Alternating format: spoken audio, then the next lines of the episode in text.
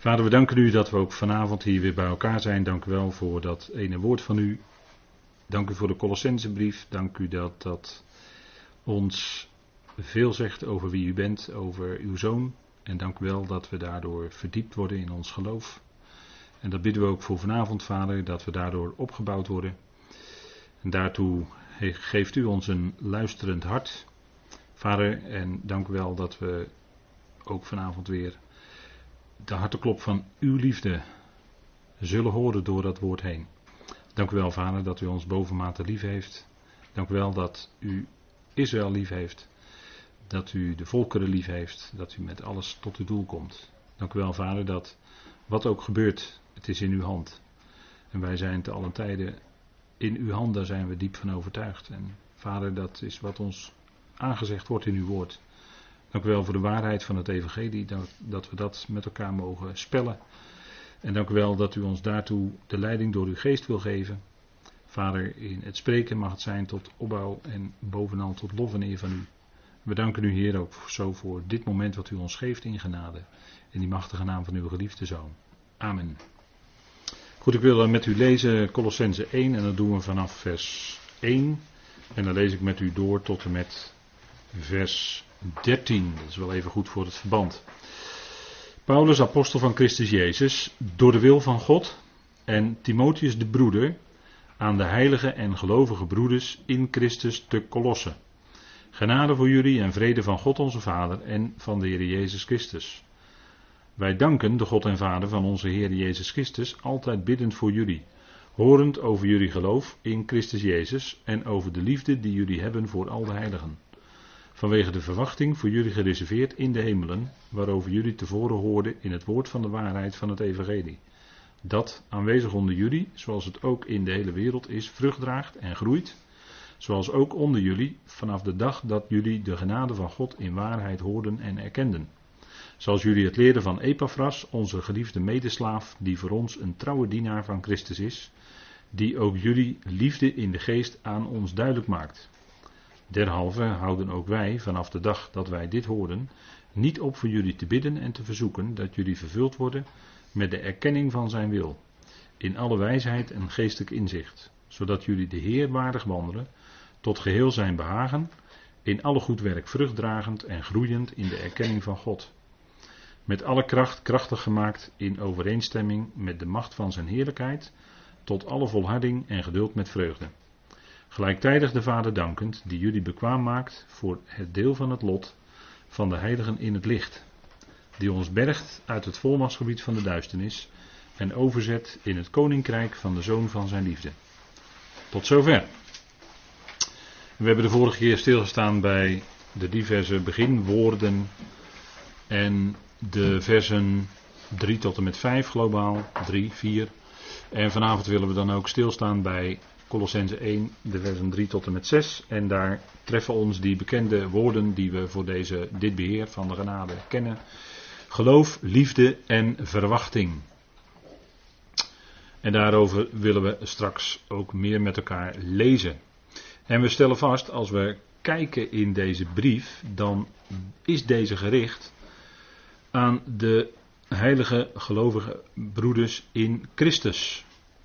En in vers 4 lezen wij, horend over jullie geloof in Christus Jezus.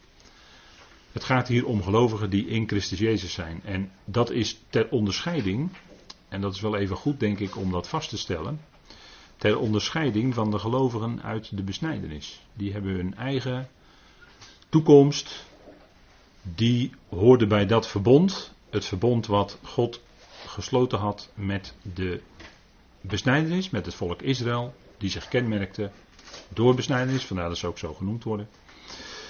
Zij hoorden bij dat verbond. Zij steunden op de beloften die aan Israël gegeven waren. Want in de tijd dat Paulus predikte waren er ook gelovigen die in die richting stonden. In de richting van het aardse koninkrijk, gelovigen uit Israël. Daar begon het mee vanaf de Pinksterdag. Maar toen Paulus geroepen werd als Saulus begon een andere lijn. En deze lijn van de besnijdenis die lag er al. Die steunde op de belofte van Israël. Zij hadden nodig bekering als je Petrus hoort op de Pinksterdag, handelingen 2, dan hadden ze nodig bekering, geloof en waterdoop. Ik heb hier gezegd doop, maar dat bedoel ik dus waterdoop. Nodig om als voorwaarde voor het ontvangen van Heilige Geest. En bij de besnijdenis gelden ook nog aanvullende voorwaarden. Zij moesten volharden om dat koninkrijk later binnen te kunnen gaan. Want zij werden niet verzegeld met Heilige Geest. Dat is een kenmerkend verschil tussen u en ik als gelovigen. En sinds dat Paulus dat bekend maakt, dat de gelovigen die horen bij het lichaam van Christus verzegeld zijn met Heilige Geest. Dat wordt alleen tegen de gelovigen van het lichaam van Christus gezegd en niet tegen de lijn van Israël via Petrus en Jacobus en de andere Johannes. Dus dat zijn twee onderscheidende lijnen. Bij de gelovigen uit Israël kwam de Heilige Geest op hen, maar zij konden ook die toekomst, dat koninkrijk, de weg daar naartoe verspelen en als door het negeren of door het uh, verslappen konden ze dan ook, uh, kon die Heilige Geest teruggetrokken worden en konden ze alsnog dat koninkrijk niet binnengaan. Dat zijn aanvullende voorwaarden voor de gelovigen van Israël. Lijn van Petrus, lijn van Johannes Jacobus. De gelovige aan het lichaam van Christus daarentegen is verzegeld met de Heilige Geest van de belofte. En dat staat in 2 Korinthe 1.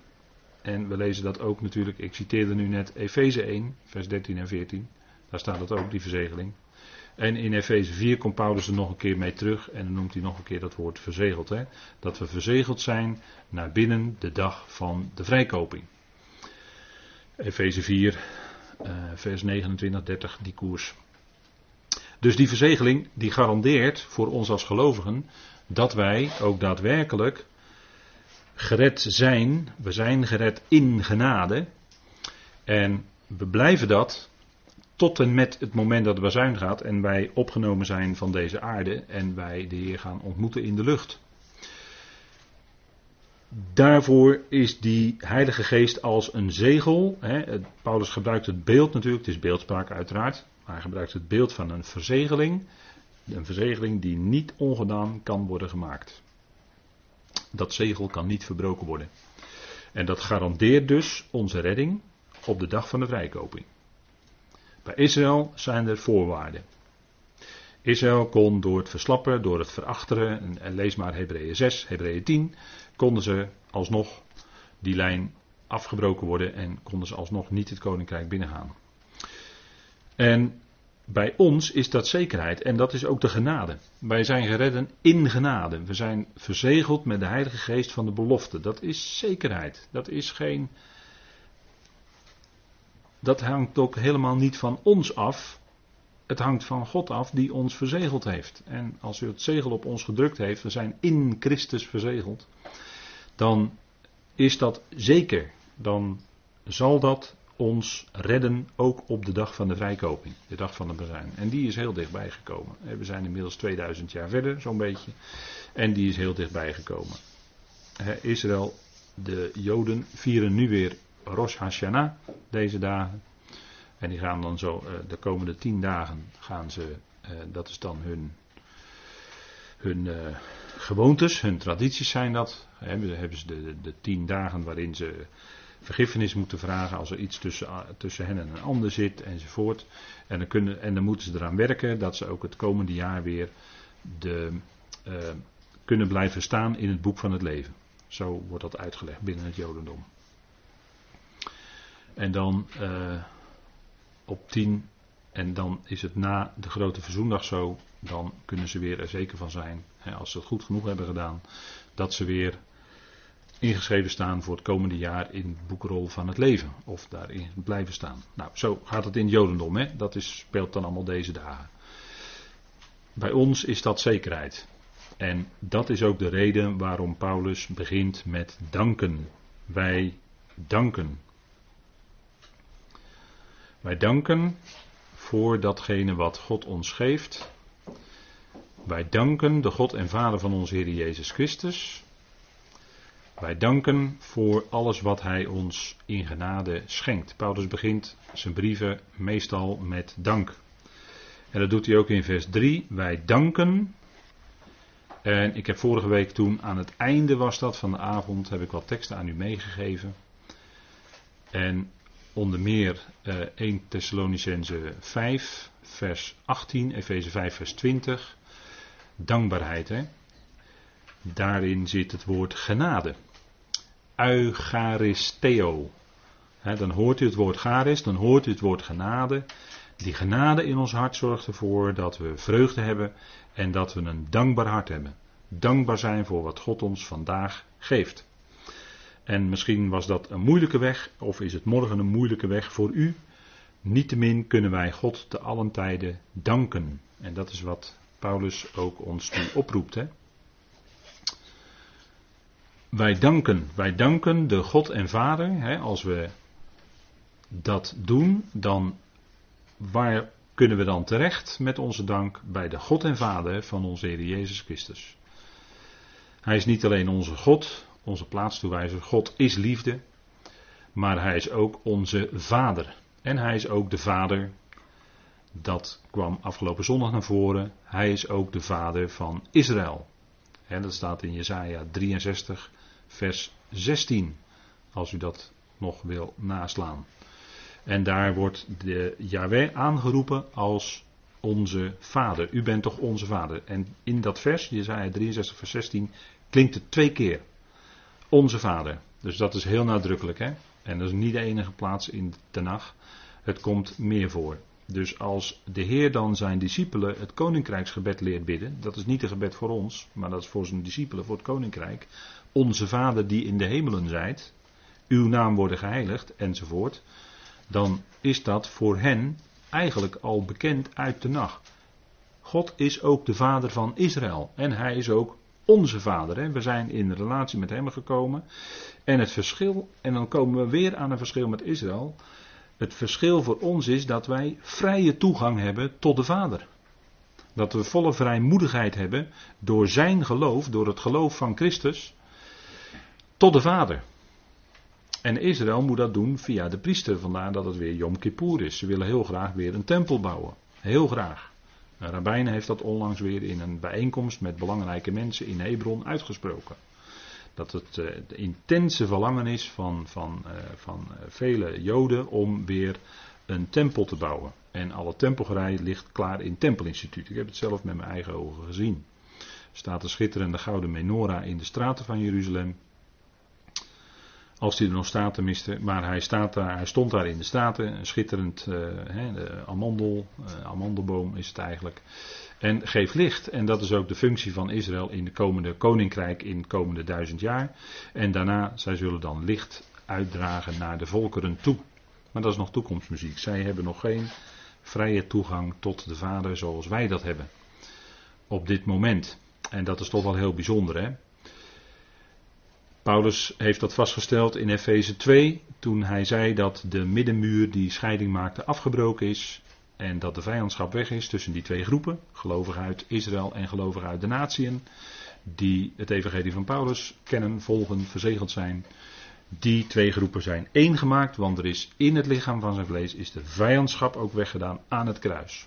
En daardoor zijn die lichamen beide groepen één in Christus Jezus. En is er ook geen enkel verschil meer, want in Christus Jezus, in Christus vallen de verschillen weg. in de nieuwe schepping vallen de verschillen weg. Hebben we met de gelaten brief al uitgebreid vastgesteld. Dan is er geen onderscheid meer tussen Jood en Griek. Dan is er geen onderscheid meer tussen mannelijk en vrouwelijk. Tussen slaaf en vrije, barbaar en skiet. Alles is één in Christus Jezus. En we kennen elkaar niet meer naar het vlees. Dat is de nieuwe schepping. Daar vallen de verschillen weg. Verschillen zitten in het vlees. Vijandschap zit in het vlees. En verschillen in de geest vallen weg. Dan is het één. Vandaar dat Paulus in de Efezebrief natuurlijk uitgaat van die geweldige eenheid van de geest. Dat is gebaseerd natuurlijk op Efeze 2. De eenheid van de geest. We zijn één met alle gelovigen die in Christus zijn. En vanuit die eenheid van de geest zouden we ook leven en omgaan met die andere gelovigen. Hoe beperkt misschien de kennis van de andere gelovigen ook is. Maar je erkent en herkent elkaar door diezelfde geest, door diezelfde liefde. En dan ben je één. En daar is er geen enkel verschil. En dat is geweldig. Hè? En daar danken we voor. Ook een reden om te danken. Hè? Dat we één zijn met al die gelovigen wereldwijd. En we maken geen onderscheid naar het vlees. Hè? Dat is uh, volledig in de nieuwe schepping weg. En we danken de God en Vader van onze Heer Jezus Christus. Hè? Dat is de meest uh, hoge betiteling die in de schrift aan onze God en Vader gegeven wordt.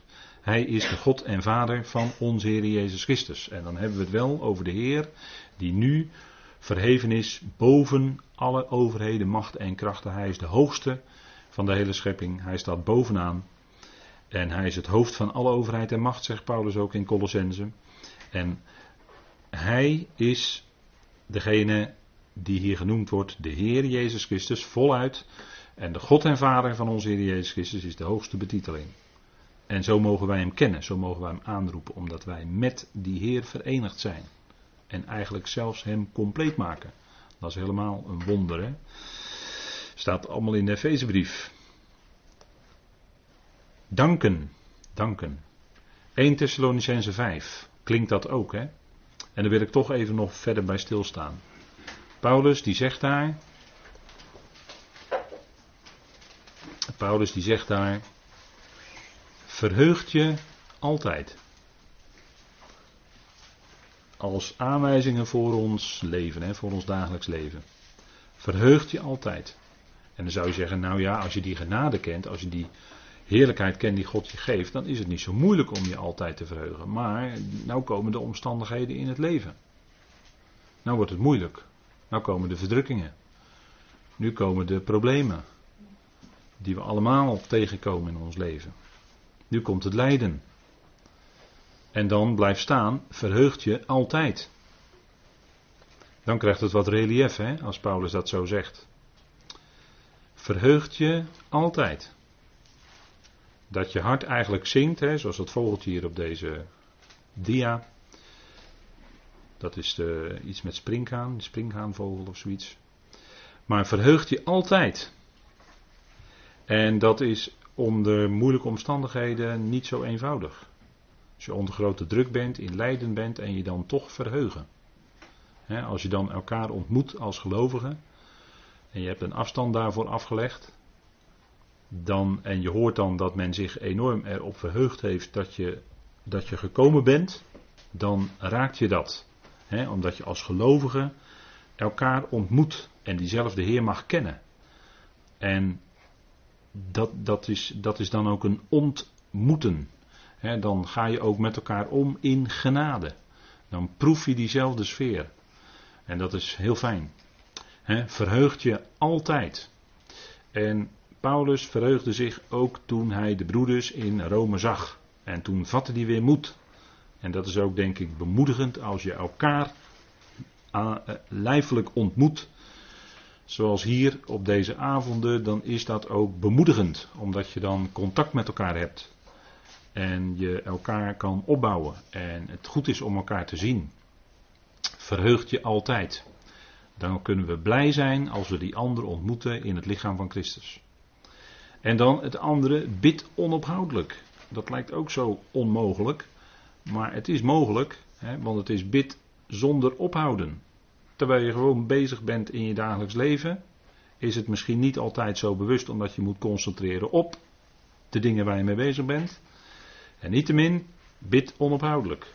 Bidden voor die ander, bidden voor de medegelovigen op afstand. Bidden voor de medebroeders en zusters ver weg. Die bidden voor ons en wij bidden voor hen. Bidden voor degene met wie het. Hè, heb je het moeilijk met iemand? Dat weet u, hè? Hebben we vaker hier besproken. Bid voor diegene. En dan moet je kijken wat er in jouw hart gebeurt. In jouw houding ten opzichte van die ander. Want dat is het punt, hè? Die ander gaat niet veranderen, maar jij verandert doordat je voor die ander bidt. Dat, daar zit de geheim in. Bid onophoudelijk. We bidden voor de overheid. Hoe moeilijk het ook bij gelegenheid met de maatregelen van de overheid kunnen hebben.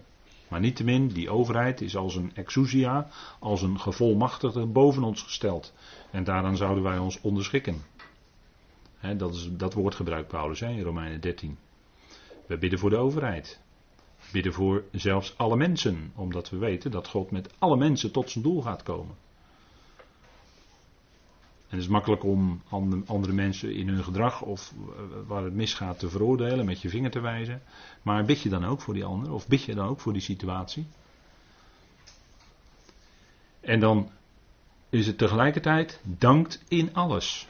Dat is een notitie, hè? we zijn bezig met danken. Paulus begint, wij danken de God en Vader, in vers 3 van Colossense 1. En hier zegt hij ook, dankt in alles. Dan zegt hij, nou dat is niet zo eenvoudig. En dan zegt hij erbij, want dit is Gods wil in Christus Jezus voor jullie. Dat is, Gods, Gods wil is dat wij als gelovigen dit doen.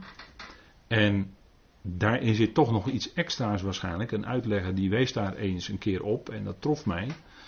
Want er staat bij, dankt in alles, want dit is Gods wil in Christus Jezus voor jullie. Dus het betekent dat, de, dat eh, Gods wil, dat is, jouw, dat is dat alles, hè? dat is wat jij, jou overkomt in jouw omstandigheden, in jouw leven van alle dag, dat wat jou overkomt, daarin Hem danken.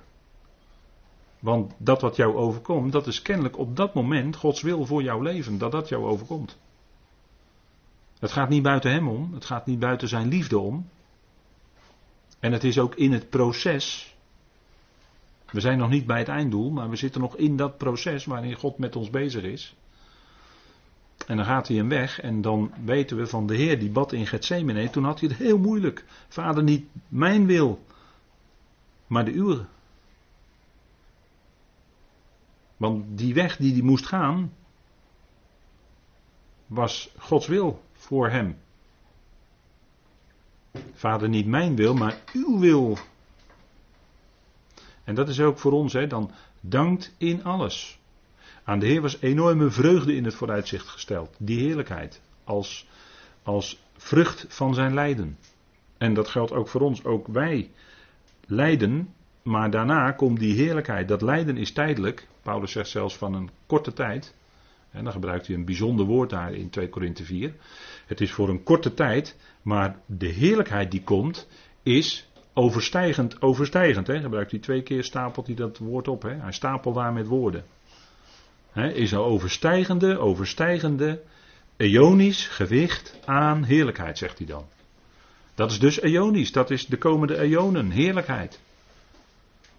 Dat is de vrucht die het lijden gaat opleveren, dat wat ons overkomt, waar wij het vaak heel moeilijk mee hebben, en dat is heel menselijk dat je het er moeilijk mee hebt, je emoties, het woord, in het woord lijden, het grondwoord is eigenlijk emotie daar waar jij het moeilijk mee hebt, maar het gaat heerlijkheid opleveren. En, en ook al begrijp je niet de dingen die je overkomen, Paulus zegt, dankt in alles. Want je weet dat die grote God, en we, zondag zagen we ook dat het grote verschil in, het, in, in al die dingen die Paulus zag met Israël, het grote verschil was God. God is barmhartig. God is genadig. En dat maakt het grote verschil uit, ook in ons leven. Wij lijden en verdrukking, ondergaan verdrukking net als ieder ander. Wij zuchten met die schepping mee. En het grote verschil is, God staat in ons leven centraal. En, en Hij is het die ons leven van stap tot stap voert naar dat zekere doel toe, die enorme heerlijkheid die gaat komen.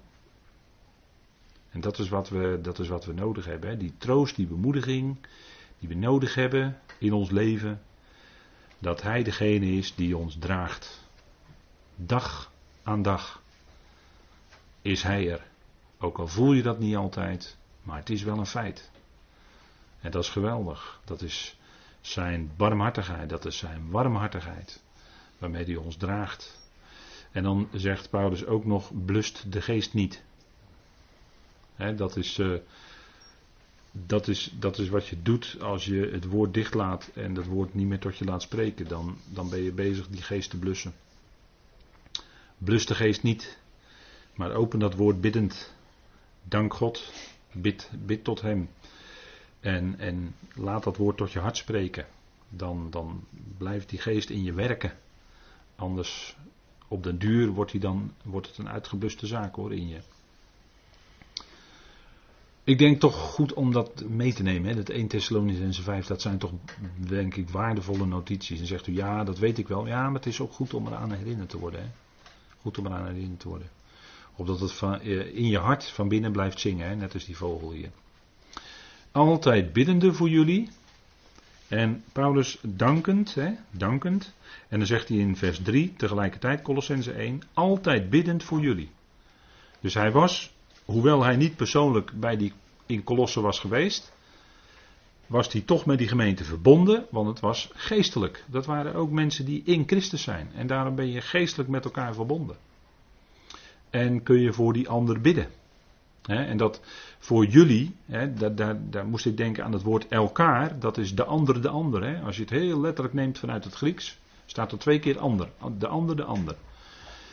Dus, en we vertalen dat dan met elk ander. Hè? Dat we elkaar op het oog hebben, dat we voor elkaar ook bidden. Altijd biddend voor jullie. Degene die naast je zit, als je een samenkomst bezoekt of als je een bijbelstudie bezoekt. En degene met wie je verbonden bent, misschien op afstand of misschien zelfs grote afstand, maar altijd biddend voor jullie. Elkaar. dat elkaar, dat is zo enorm belangrijk. Je bent aan elkaar gegeven. En hebben bij, bij Filippenzen hebben we geleerd dat, um, dat we elkaar, dat we elkaar, de een de ander dus, superieur achten aan jezelf. Let op dat jezelf. Hè. Superieur achten aan jezelf. Dus elke gelovige die we ontmoeten, vanuit onze houding, hè, en we zouden naar kijken naar het voorbeeld van Christus Jezus, hè, zijn innerlijke houding was er een van ootmoedigheid. En ik denk dat dat de reden was, mede waarom hij, toen hij te midden van zijn volk op aarde wandelde, nooit iemand veroordeelde. Hij veroordeelde nooit iemand persoonlijk. Dat was zijn ootmoedige houding.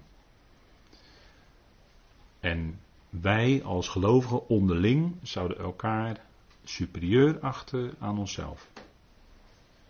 Daar moet ik wel een aantekening bij maken. Dat wil niet zeggen dat wij de mening van de ander a priori superieur achten aan onszelf. Wat bedoel ik dan daarmee?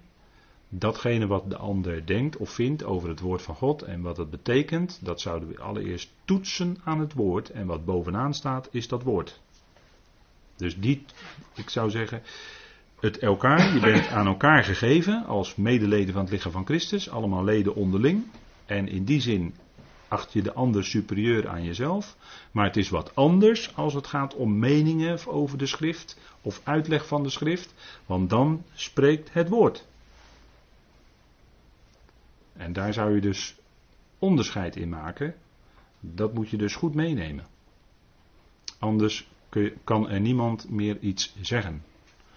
En in de gemeente, in het lichaam van Christus wereldwijd, geeft God als een feit evangelisten, herders en leraars. Als gaven.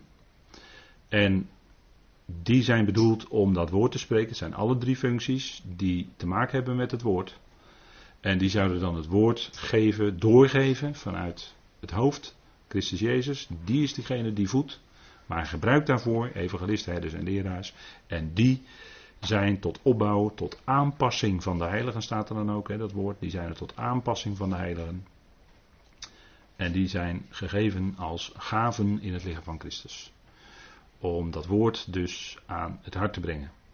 En wat voor iedereen bovenaan staat, is dat woord van God. Is het evangelie en als het gaat om de gemeente in bijzonder specifiek het evangelie van de apostel Paulus. Dat is leidend met EI. En zo zouden we hè, zo op die manier dat invullen, hè, in praktische zin ook. Dat we ons daar allemaal aan onderschikken. Maar we hebben de ander op het oog. We bidden voor de ander. Altijd biddend voor jullie. Paulus was heel erg, had die gelovigen op zijn hart. Hij bad voor ze. Elkaar. De ander, de ander. Belangrijk punt. Paulus had het vernomen via Epaphras. Hij hoorde, en daar was hij geweldig blij over dat hij hoorde van jullie geloof in Christus Jezus. Dat was ook de reden waarom hij altijd voor hen aan het bidden was. Want hij was blij. Hij had via Epaphras gehoord van hun geloof in Christus Jezus. Epaphras, die wordt genoemd in vers 7. Hè? Dat even als punt. Ik zeg wel Epaphras, maar het staat in vers 7. Zoals jullie het leerden van Epaphras, onze geliefde medeslaaf, die voor ons een trouwe dienaar van Christus is, die ook jullie liefde in de geest aan ons duidelijk maakt. Dus Epaphras had dat overgebracht. Hoe het ging met de Colossense. En daar was Paulus geweldig dankbaar voor. Epaphras, dat betekent, de naam betekent waarschijnlijk iets van bruisend of aangenaam. En als je het wat verder afleidt, zegt men, de, woord, de namenwoordenboeken zeggen dan lieflijk. Maar goed, dat vind ik niet helemaal uit het Grieks naar voren komen. Maar goed, in ieder geval een, een bruisend iemand die daardoor ook en de gelovige dient en daardoor ook geliefd is. Hij had gehoord van hun geloof. Een geliefde medeslaaf. Een geliefde medeslaaf. Dus Paulus en hij waren slaven van Christus Jezus. Die dienden.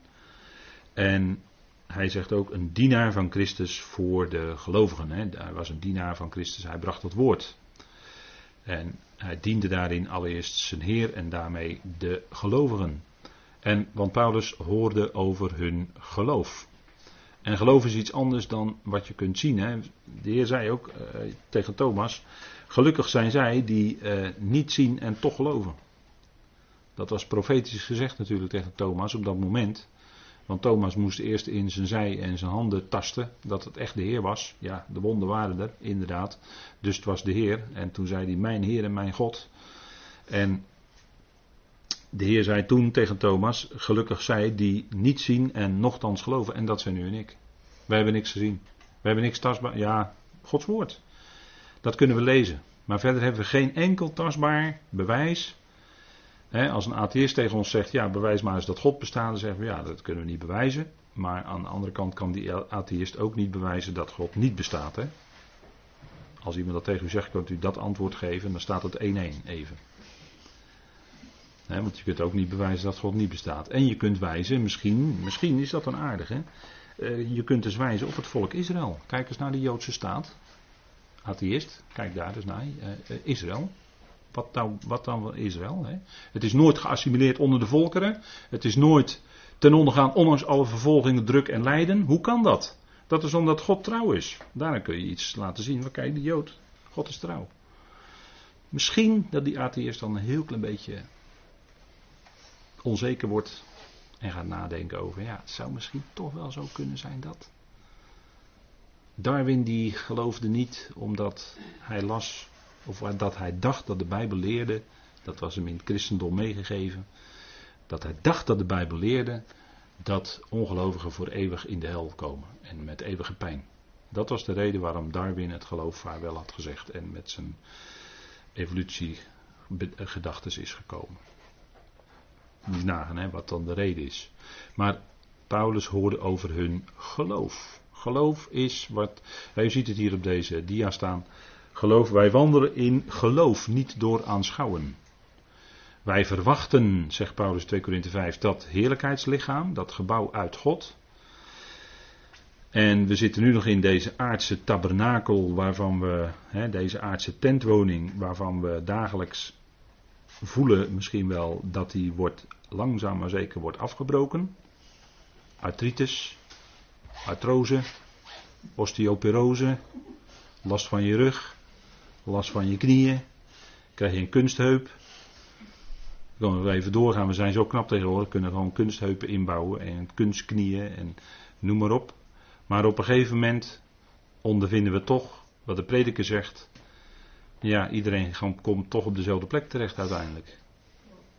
Dat is triest, dat is droevig. Hè?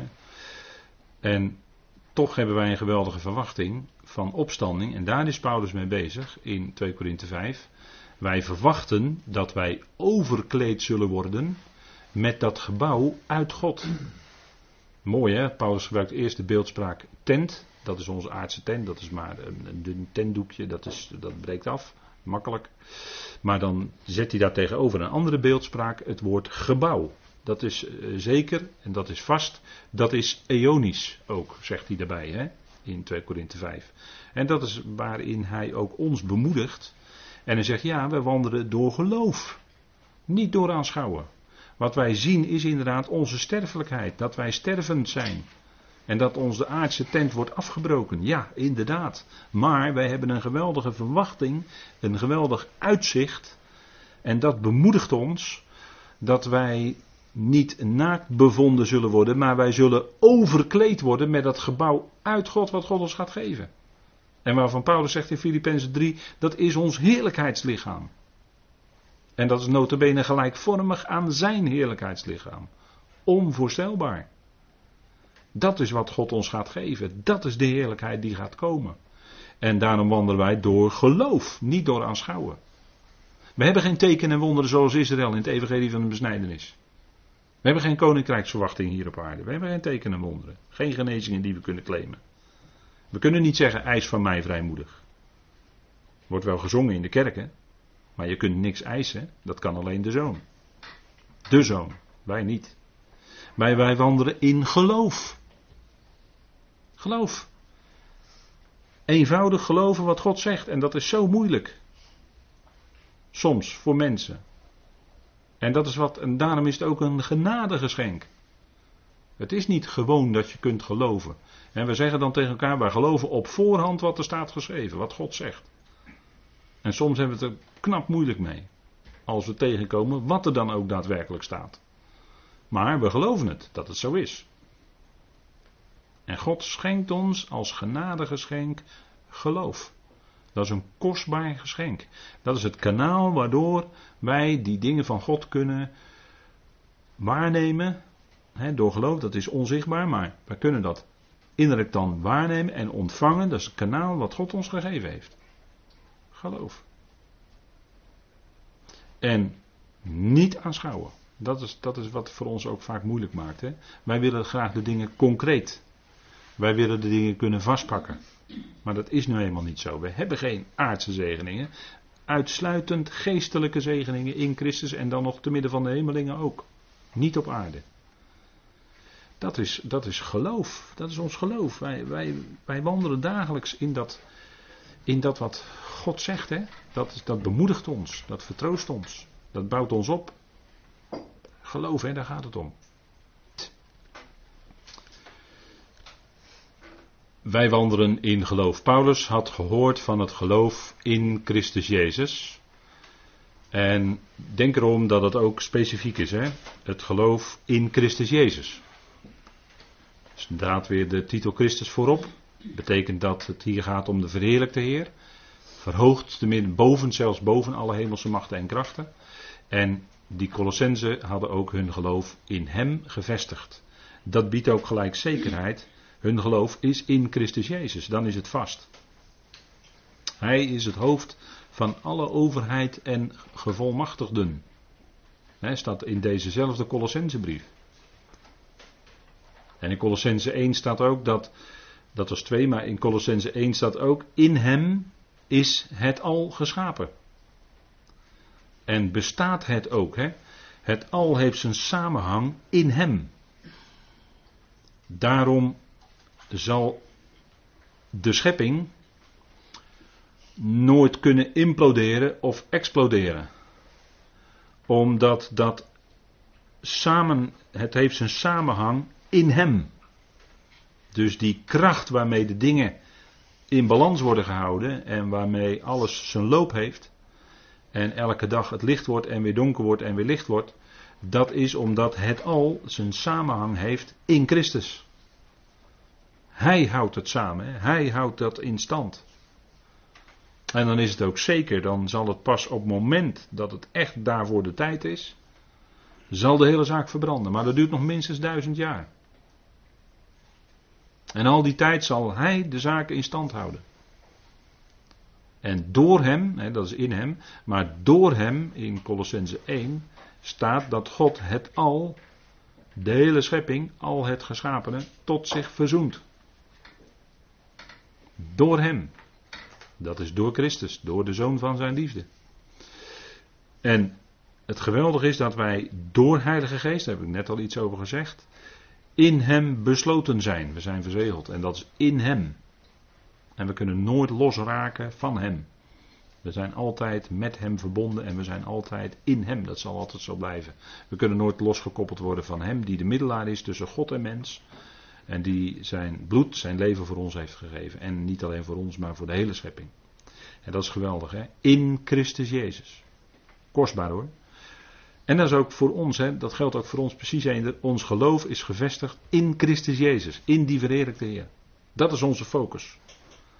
En wij verwachten niet de aardse Messias, maar wij verwachten Hem boven in de lucht als de bazuin gaat. En daar zullen wij Hem ontmoeten, niet op aarde. En we gaan ook niet na zeven jaar weer terug naar de aarde. Geen haarspeldgedachte. Nee, wij blijven boven en gaan in onze bediening. Horend over jullie geloof in Christus Jezus. Hè? Dat is die verheerlijkte Heer. Dat geeft licht en uitzicht. Hij is het die ons leven leidt. Hij is het, die ons, hij is het zelf het licht van de wereld. Hij verlicht ons hart. Hè? Het licht in, zegt Paulus 2 Korinthe 4. Het evangelie van de heerlijkheid van Christus. Dat is in ons hart gaan schijnen. En dat is, uh, dat is aangegaan. En dat is om niet meer uit te doven. Hè? En dan staat er dan over de liefde. Nu gaat er ander, komt een andere facet. Hè? Liefde. En over de liefde die jullie hebben voor al de heiligen. Liefde voor al de heiligen. Let daarop, hè. Het is niet de liefde voor degene die jou wel aanstaat in het lichaam van Christus. Maar het is ook de liefde voor degene die jou niet aanstaat in het lichaam van Christus. Waar je het dus moeilijk mee hebt. En, en dat lichaam van Christus, of de, de, de gemeente, hoe moet je het zeggen? De gemeente of het, de christenheid is heel groot. Dat was in Paulus' dagen was het al groter geworden. Maar Paulus sprak ook profetisch in 2 Timotheus 2. En dan zegt hij dat, eh, dat dat huis, het is een groot huis. Het is een groot huis met allerlei voorwerpen ter ere en ter onere zelfs. Met, en dat drukt hij uit in de beeldspraak hout en goud en zilver. Houten, gouden, zilveren vaten. En sommige zijn tot oneer en sommige zijn tot eer. En wij worden dan geroepen, en zeker Timotheus toen, maar wij ook worden geroepen om een vat te zijn, een instrument. Hè, dat is het woord skuos, als ik het goed zeg in het Grieks. Maar dat betekent ook instrument, dat wij een instrument zijn, een vat zijn, wat de Heer kan gebruiken tot zijn eer. En dat we ons dus zelf reinigen van die oneervolle vaten. De liefde, dat is de agape, dat is die hoge, belangeloze liefde. En dat zegt u ja, dat weet ik, maar ik blijf het herhalen. In het hart is die uitgegoten door Heilige Geest. Door Heilige Geest. En dat is niet, het is uitgegoten. Dus dat is niet kleine druppeltjes liefde in ons hart. Het is een hele brede stroom geweest, gewoon flink gieten. En ons hele hart is ermee gevuld. En tot, tot, ik hoop tot overvloeiens toe dat het ook doorgaat dat, en uit, zich uit naar de ander. Liefde. Liefde is dat je de ander de ruimte geeft. Liefde is dat je geen belang heeft, er geen belang bij hebt als je bij gelegenheid iets doet voor de ander. Dat doe je gewoon belangeloos. Niet om er zelf wijzer van te worden. Maar je doet het gewoon. Om, waarom? Omdat je lief hebt. Je bidt voor die ander. Ook een vorm van liefde. Liefde is precies het tegenovergestelde van de beweging naar jezelf toe. En dan wordt een egoïst, wordt een altruïst, hè, zeggen we dan met hele mooie woorden. Maar dan staat niet langer ons ego centraal, maar dan staat Christus centraal. En zo op die manier, vanuit, vanuit dat besef, hè, Christus in ons hart, zijn genade, zijn liefde, dan die ander, ja, dan kun je die ander ook werkelijk lief hebben. En, en dat, dat is, ja, dat is soms zo moeilijk. Dat is soms zo moeilijk. Want ja, soms hebben gelovigen ja, lastig. Kunnen heel lastig zijn. Maar dan toch blijven liefhebben. Hè? Daar gaat bovenuit. Hè? Het gaat boven de, de filijn.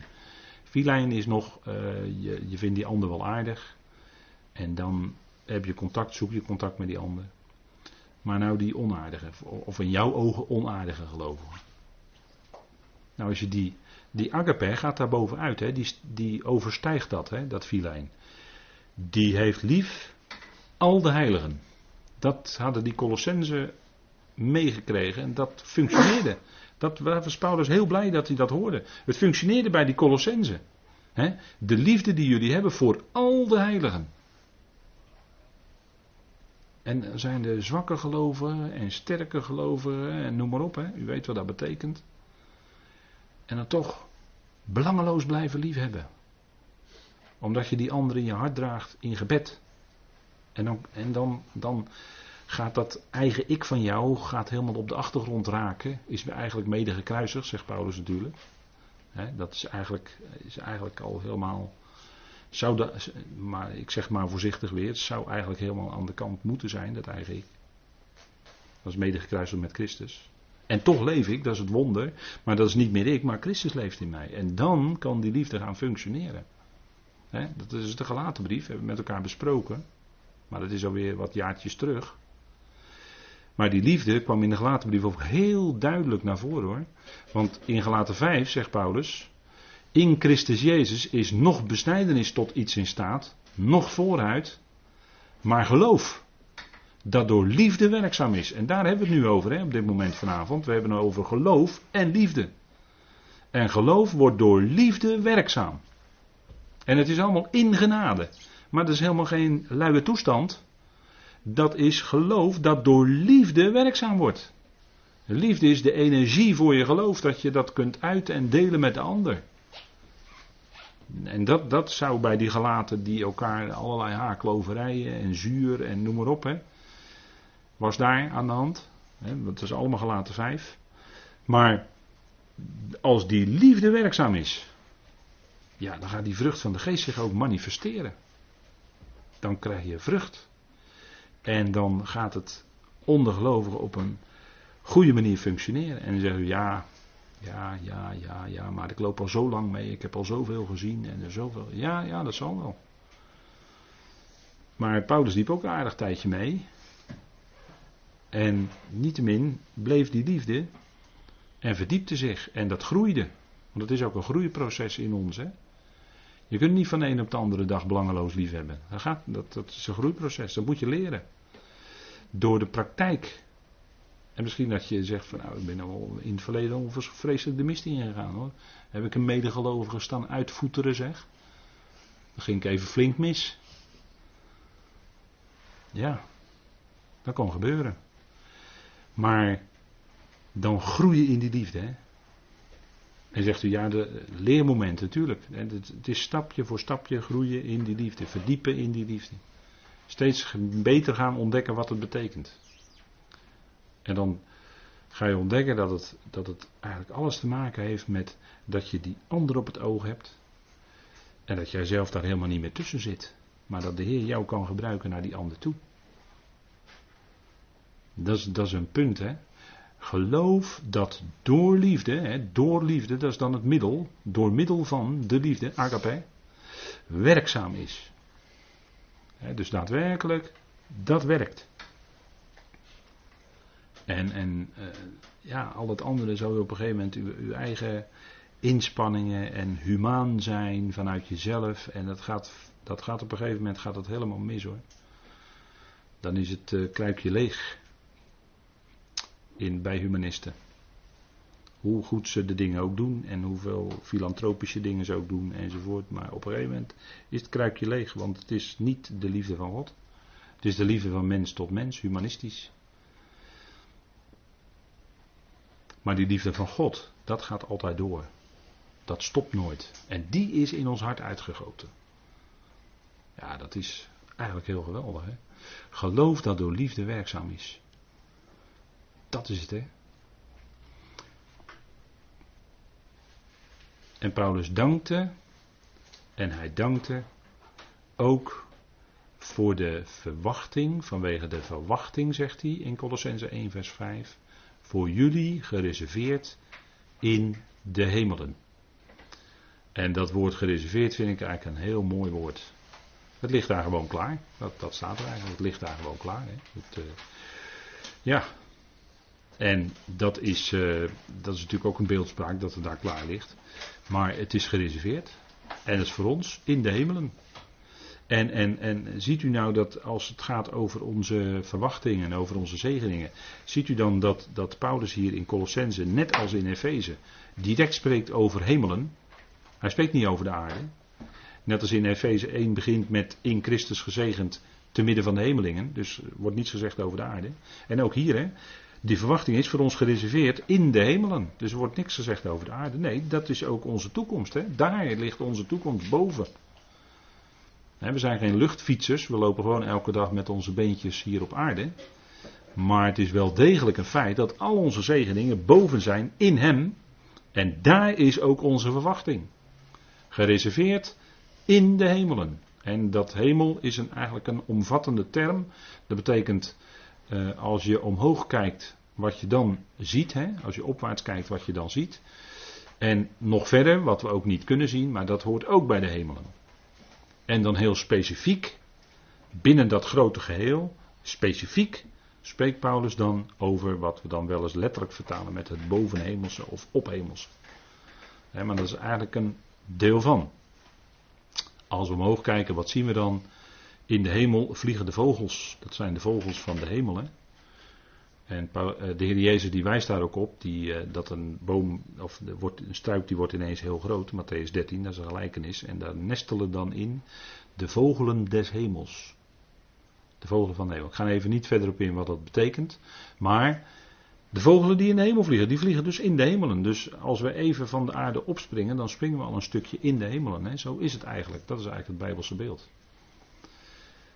En in Matthäus 5, vers 16 zegt uh, de Heer, dan spreekt hij over tegen Israël, daar hebben we het weer, hè, jullie vader die in de hemelen is. Dus de Heer knoopte gewoon aan bij Tenach.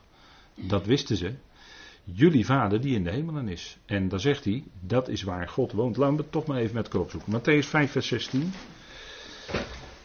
Dat is uit uh, Koninkrijk eigenlijk de, grond, de grondregels voor het koninkrijk, het aardse koninkrijk van de toekomst. Matthäus 5, vers 16. En dan zegt hij een waarheid die heel logisch is in vers 15. Ook steekt men geen lamp aan en zet die onder de korenmaat, maar op de standaard en er schijnt voor allen die in het huis zijn. Laat uw licht zo schijnen voor de mensen, dat zij uw goede werken zien en uw Vader die in de hemelen is, verheerlijken. uw Vader in de hemelen verheerlijken. Dus dat, daar is ook, dat is uh, even over locatie, maar het is, uh, de Heer heeft dat duidelijk willen maken. Kijk, die Vader, die, is, uh, die woont daar. maar Vader is natuurlijk veel groter dan dat. Maar uw Vader die in de hemelen is. En dan verwijst hij ze dus naar boven. En uh, laten we zeggen de woonplaats van God. Als aanduiding van wat de hemelen onder meer omvatten. En dat is niet, uh, daarin is uh, God als vader niet beperkt. Maar hij gebruikte dat natuurlijk als een bepaalde manier om zo te spreken. Om dat voor zijn Joodse mensen tegen wie hij sprak duidelijk te maken uw vader die in de hemelen is. En hij zal dat koninkrijk dan ook oprichten vanuit de hemel. Hè, zal dat komen. Het is ook het, wordt in Matthäus ook genoemd het koninkrijk van de hemelen. Het komt namelijk voor de Israël uit de hemelen op de aarde. Dat is de oorsprong. En onze verwachting, onze verwachting, dat is niet op aarde. Dat is niet het koninkrijk van de hemelen, hoe gek dat ook klinkt, maar dat is niet onze verwachting. Maar onze verwachting is voor ons gereserveerd in de hemelen. In de hemelen. En in de brieven van Paulus krijgen we daar ook duidelijke hints al in de eerdere brieven. In Thessalonicense natuurlijk het bekende stukje over de bazuin van God. Daar wordt de belofte gegeven aan het lichaam van Christus dat ze op zeker moment snel weggenomen zullen worden bij de bazuin van God de, de, Bijbel gebruikt eigenlijk het woord dan harpazo, dat betekent snel wegrukken. En dat is ook wat zal gebeuren op het moment dat de bazuin gaat. Dus dat is het eerste punt. wat al eerder bekend was gemaakt. En we hebben nog zo'n woord, wat we ook al besproken hebben in Filippenzen 3. Ons lichaam zal, ons vernederd lichaam, zal gelijkvormig worden gemaakt aan zijn heerlijkheidslichaam. Van wie? Van Christus Jezus. Dat ligt waar Paulus drie dagen, Saulus drie dagen blind van was. Dat ligt. Daar moet u dan aan denken, die heerlijkheid. Wij worden aan hem gelijkvormig gemaakt, aan zijn heerlijkheidslichaam. Nou, dat is natuurlijk een enorm verwachting die wij dan hebben. Dat ons vernederd lichaam, en waar we al eerder vanavond even over spraken, dat ons zoveel moeite kost vandaag de dag als we ouder worden. Dat dat veranderd zal worden en dat wij een heerlijkheidslichaam zullen ontvangen. Dat de Heer dat zal omzetten. Dat woord gebruikt hij dan in Filippenzen 3. Omzetten. En dan wordt het gelijkvormig aan zijn heerlijkheidslichaam. Dat gebeurt op de dag dat de bazuin klinkt en wij de Heer gaan ontmoeten in de lucht. Dan zal ons lichaam omgezet worden en de, natuurlijk de gestorven in Christus zullen eerst opstaan. En ook die zullen dan dat heerlijkheidslichaam ontvangen. En ook wij en allemaal samen tegelijk zullen wij een geweldige ontmoeting van de Heer hebben in de lucht. En wij komen niet terug op aarde. Maar wij zullen in de komende tijden boven blijven. En Paulus zegt ook, als hij spreekt aan het eind van zijn leven, of richting het einde van zijn leven, over zijn verwachting, dat hij een krans zal ontvangen. En er wordt ook, dus dat is mooi, er wordt ook dat woord reserveren gebruikt. Dat hij een krans, dat voor hem thans een krans van rechtvaardigheid is gereserveerd. Hetzelfde woord. Dat, dat is geweldig, hè? Daar keek, daar keek hij naar uit. En dat zag hij natuurlijk boven alles uit als een, ook dat was een genadegeschenk wat de Heer hem zou gaan geven. En dat is natuurlijk ook, je kunt zeggen, ja dat is beeldspraak, hè, dat woord krans, zeker. Maar niettemin is dat een geweldig stuk heerlijkheid. Hè? En dat was ook voor de apostel gereserveerd. En dan spreekt hij dat wij gezet zullen worden in het hemelskoninkrijk, hebben we in de vertaling ook gezet, maar letterlijk staat er dat woord, dat woord met het extra voorzetteltje, Epuranion. Dus letterlijk het ophemelskoninkrijk. En daarmee verwijst hij naar het deel van het koninkrijk waar wij samen met Christus zullen regeren. Vandaar het woord koninkrijk ook. Hè?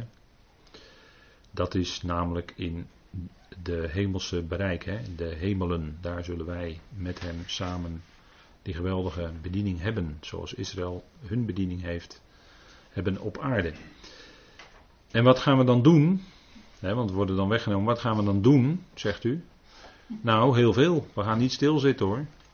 Maar we gaan zijn genade, zegt uh, Paulus in Efeze 2, zijn genade in zijn mildheid tonen, tentoonspreiden aan de hemelsen.